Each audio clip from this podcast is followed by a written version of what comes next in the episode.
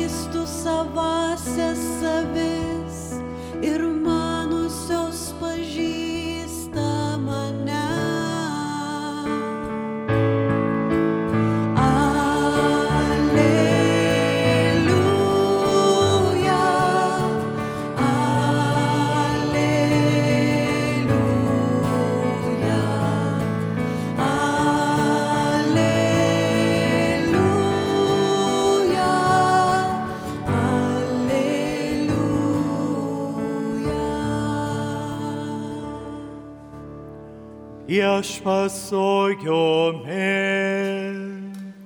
Ir su tavimi. Pasiklausykite šventosios Evangelijos pagal Joną. Garbė tau viešpatie. Anuo metu Jėzus kalbėjo, aš esu gerasis ganytojas Geras ganytojas už avis guldo gyvybę. Samdinys neganytojas, kuriam avis nesavos, pamatė sėlinantį vilką, palieka vis ir pabėga. O vilkas puola jas ir išvaiko.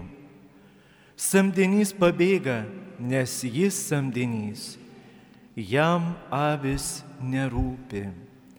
Aš esu gerasis ganytojas, aš pažįstu savasias ir manosios pažįsta mane, kaip mane pažįsta tėvas ir aš pažįstu tėvą. Už avis aš guldau savo gyvybę. Ir kitų avių dar turiu, kurios ne iš šios savidės. Ir jas man reikia atvesti. Jos klausys mano balso ir bus viena kaiminė, vienas ganytojas. Tėvas myli mane, nes aš guldau savo gyvybę, kad ir vėl ją pasiimčiau. Niekas netima iš šios, iš manęs, bet aš pats ją laisvai atiduodu. Aš turiu galę ją atiduoti ir turiu galę vėl ją atsiimti. Tokį priesaiką aš esu gavęs iš savo tėvo. Girdėjote viešpatie žodį. Šlovė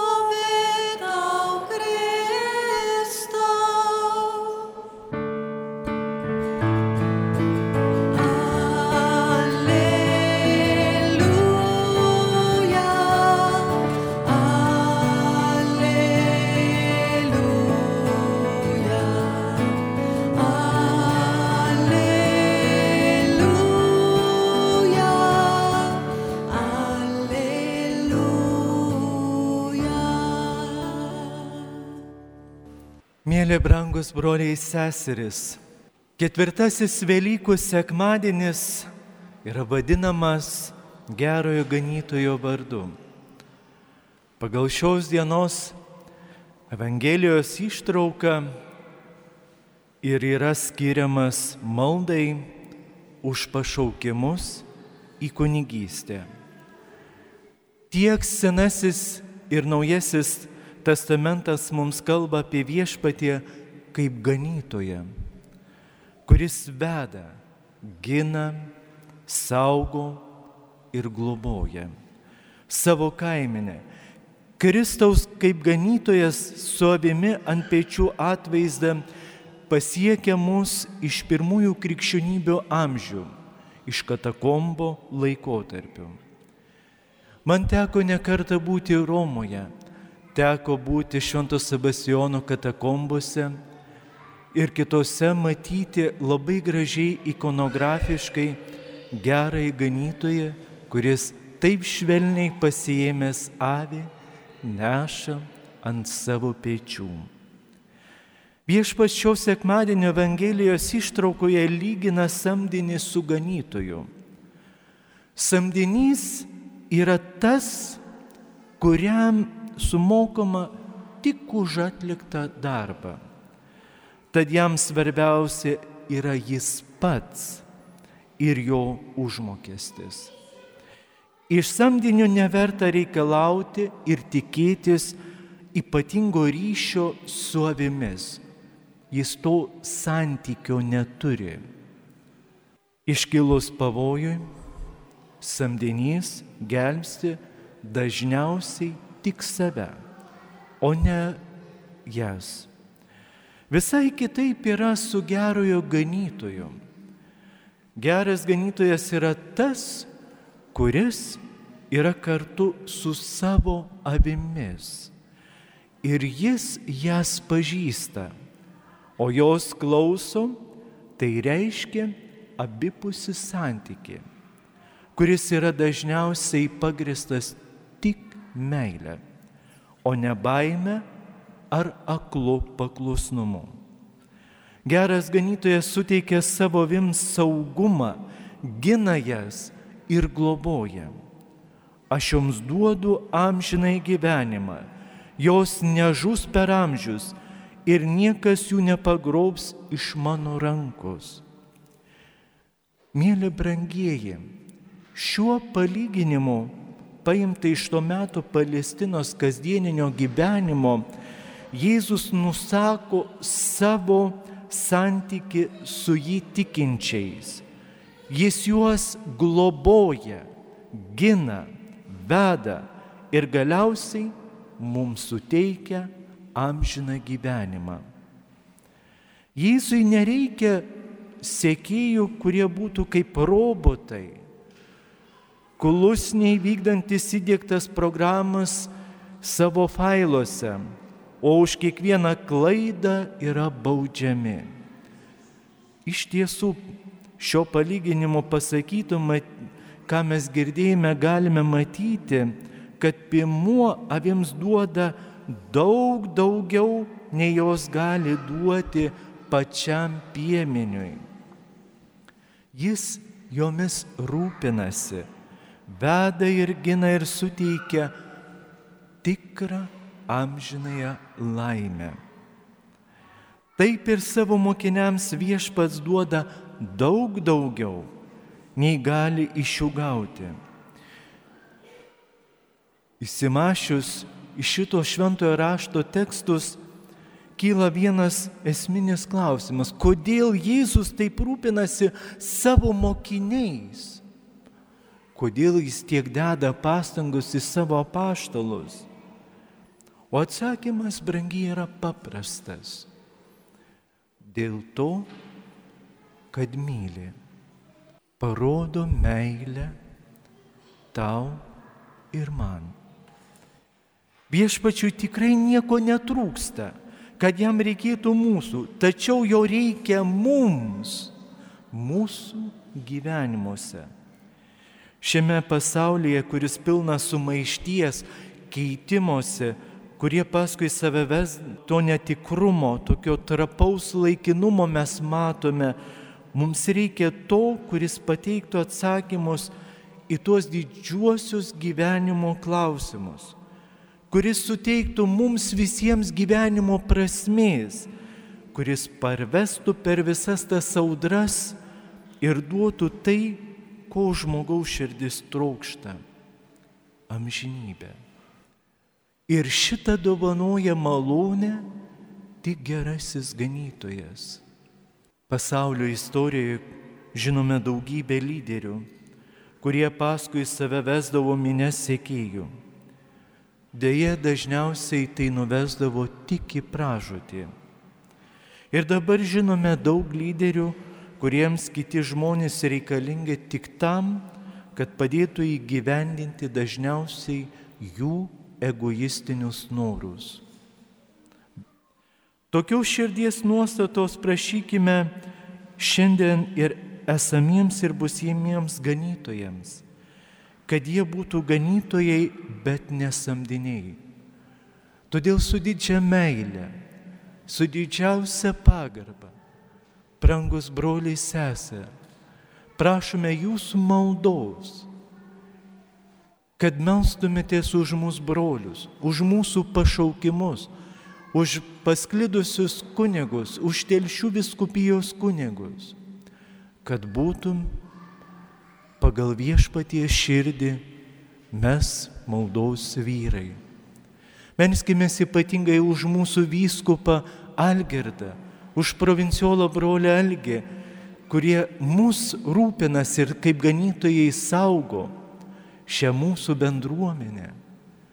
Tuo pačiu Dievui dėkoju tikrai už tą pašaukimo dovaną Jeigu ne jūs, brangieji, jeigu ne jūsų maldos, tylios maldos pavyzdys mūsų įkvėpia ir drąsina eiti kartu su Kristumi. Tuo pačiu Europa ir Lietuva patiria krizę pašaukimų. Reikia naujų pašaukimų. Visa pašaukimai gimsta pirmiausiai šeimoje Savo gyvenime Dievui dėkuoju pirmiausiai savo tėveliams. Mane išmokė pirmą maldą, tai mano tėvai ir močiutė. Aš dar vaikas būdamas, kai važiuodavau Skuodo rajone pas močiutę, man močiutė padovanojo valančiaus laikų maldaknygę ir išmokė pirmosius poterius. Šiandien Dievui dėkoju už juos, kad jie įskėpijo meilę Dievui ir meilę žmogui. Jeigu ne jų maldos, jeigu ne tėvų maldos ir suklupimas maldai, nebūčiau laimingiausias žmogus pasaulyje. Vėlgi pavyzdys. Labai svarbu, kad mes būtume ganytojai pagal viešpatie širdį, tam reikia, kad mus stiprintų, kad mes nebūtume tie kaip vilkai naikintų avis, bet visada išliktume ištikimi. Samdinys neganytojas, kuriam avis dažniausiai yra nesavus. Pamatė sėlinantį vilką, palieka vis ir pabėga. O vilkas puola jas ir išvaiko ir išdrasko. Kaip ir tada, taip ir dabar yra brangiai daugybė vilkų, kurie ateina prisidengę iš pažiūros naudingais ir gerais pasiūlymais. Yra kupini nuoširdžiausio rūpešio bei gailestingumo tačiau jų tikrasis tikslas išlieka tas pats - sunaikinti ir pražudyti. Kaip dažnai atsitinka ir taip, kaip patys ganytojai yra tapę vilkais, vietoj sveiko maisto duodantis savo vims pražutingų nuodų. Tačiau, brangiai, nepaisant visokių blogybių, kurių visada bus apšiai, nes šis pasaulis yra kovos laukas, galime matyti, kaip vis iš naujo pildosi viešpaties pažadas duotas pranašui Jeremijui. Duosiu jums ganytojų pagal savo širdį, jie ganys jūs išmintingai ir protingai. Kažkada yra labai gražiai pasakęs mūsų brolis, tėveliukas Juozapas Pudžiamis, norint kritikuoti kunigą ir bart, pirmiausiai sako, tu pasimelsk už šitą kunigėlį. Šitą pamoką išmokau nuo seminarijos laikų. Pirmiausiai tėveliukas parodė, kad reikia melstis. Tik malda gali padėti. O Dievas randa būdą į mūsų visų širdis, į mūsų gyvenimus. Dievas randa savitų būdų prakalbinti ir perkeisti žmogaus širdį. Ir jis tą daro per meilę. Te laimina kiekvieną iš jūsų.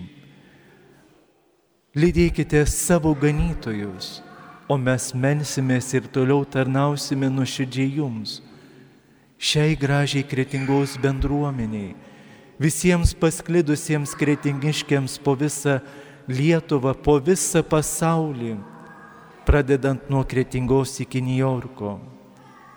Yra kretingiškių ir Niujorke, ir Čikagoje, visur. Todėl mes savo maldose, savo širdyje esame su visos geros valios žmonėmis, laimindami ir melzdamiesi už jūs visus. Amen. Krikščioniškoji viltis - Marija vilties motina. 2017 metai - gegužės 10 diena. 2017 metų - gegužės 10.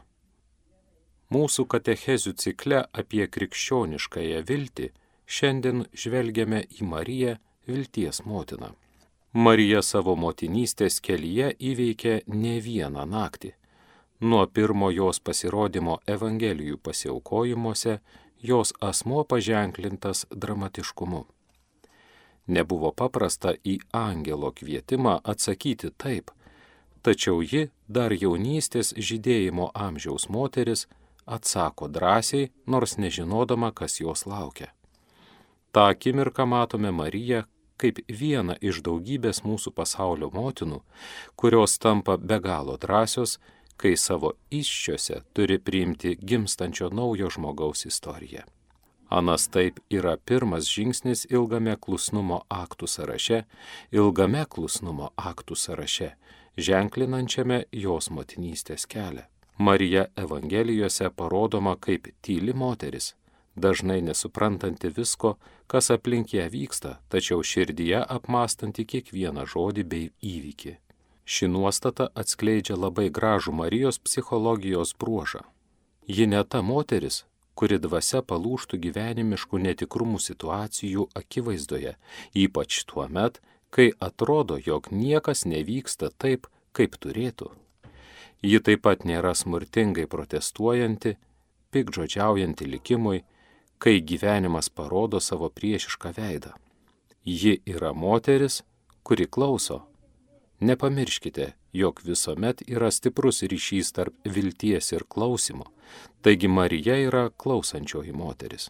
Marija priima gyvenimą tokį, koks jis mums pasirodo, kur yra laimingų dienų, tačiau netrūksta ir tragedijų, kurių būtume linkę išvengti.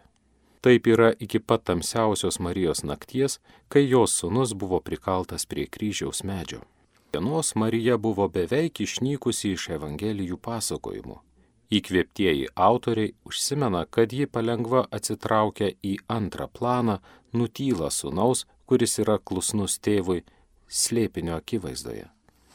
Tačiau Marija iš naujo pasirodo tuo lemiamu momentu, kai dauguma bičiulių iš baimės pasitraukė motinos neišduoda ir tą akimirką kryžiaus papėdėje niekas iš mūsų negali pasakyti, kuri kančia buvo žiauresnė, ar mirštančio ant kryžiaus nekalto žmogaus kančia, ar motinos lydinčios sūnų paskutiniais jo gyvenimo momentais agonija. Evangelijos yra lakoniškos ir labai diskretiškos. Motinos buvimas aprašomas paprastu žodžiu, jis stovėjo. Evangelija pagal Joną 19 skyrius 25 eilutė. Jis stovėjo, nieko nesakoma apie jos reakciją, ar ji verkė, ar neverkė. Nieko. Nėra jokios užuominos apie jos skausmą. Tos detalės vėliau žadino poetų ir dailininkų vaizduotę, o jų paveikslai įėjo į meno ir literatūros istoriją. Tačiau Evangelijos sako tik tiek - jis stovėjo. Stovėjo sunkiausiu momentu, žiauriausiu momentu ir kentėjo draugė su sunumi. Stovėjo. Marija stovėjo, tiesiog ten buvo. Štai ji vėl pasirodo, jauna moteris iš Nazareto, dabar jau nuo metų pražilusiais plaukais, ji vis dar su Dievu, kurį reikia tik apkabinti, o jos gyvenimas prisartino prie giliausių sutemų slengščio.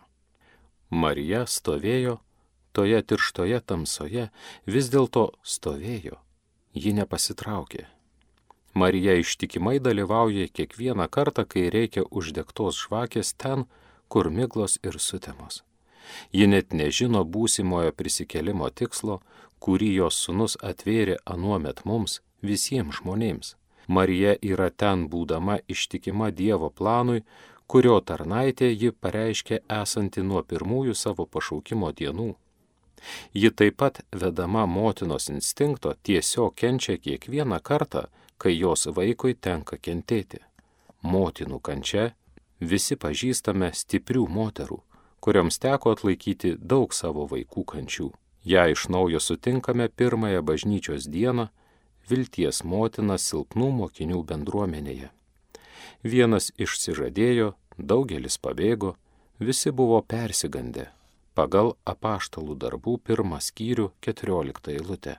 Tačiau ji ten tiesiog stovėjo pačiu normaliausiu būdu tarsi tai būtų visiškai natūralus dalykas. Ankstyvoje bažnyčioje, nušviestoje prisikelimo šviesos, tačiau taip pat virpančioje dėl pirmų žingsnių, kurios teks žengti pasaulyje. Todėl visi mylime ją kaip motiną. Nesame našlaičiai. Turime motiną danguje, kuri yra šventoji Dievo motina. Ji mus moko laukimo darybės net tuo met, kai viskas atrodo be prasmės. Ji visuomet pasitikė Dievo slėpiniu, taip pat tuo met, kai jis atrodo aptemsta dėl blogio pasaulyje. Tegul tais sunkiais momentais Marija, Jėzaus mums dovanota motina, sustiprina mūsų žingsnius. Tegul visuomet kalba mūsų širdžiai, kelkis, pažvelk pirmin, žvelk į horizontą, nes ji yra vilties motina. Ačiū. Girdėjote trečiojo Velykų sekmadienio Evangeliją ir homiliją iš Kretingos viešpatės apreiškimo švenčiausiai mergeliai Marijai bažnyčios. Homiliją sakė brolis kunigas Rolandas Taučius, o popiežiaus Pranciškaus katechezę apie viltį skaitė Jonas Lamauskas.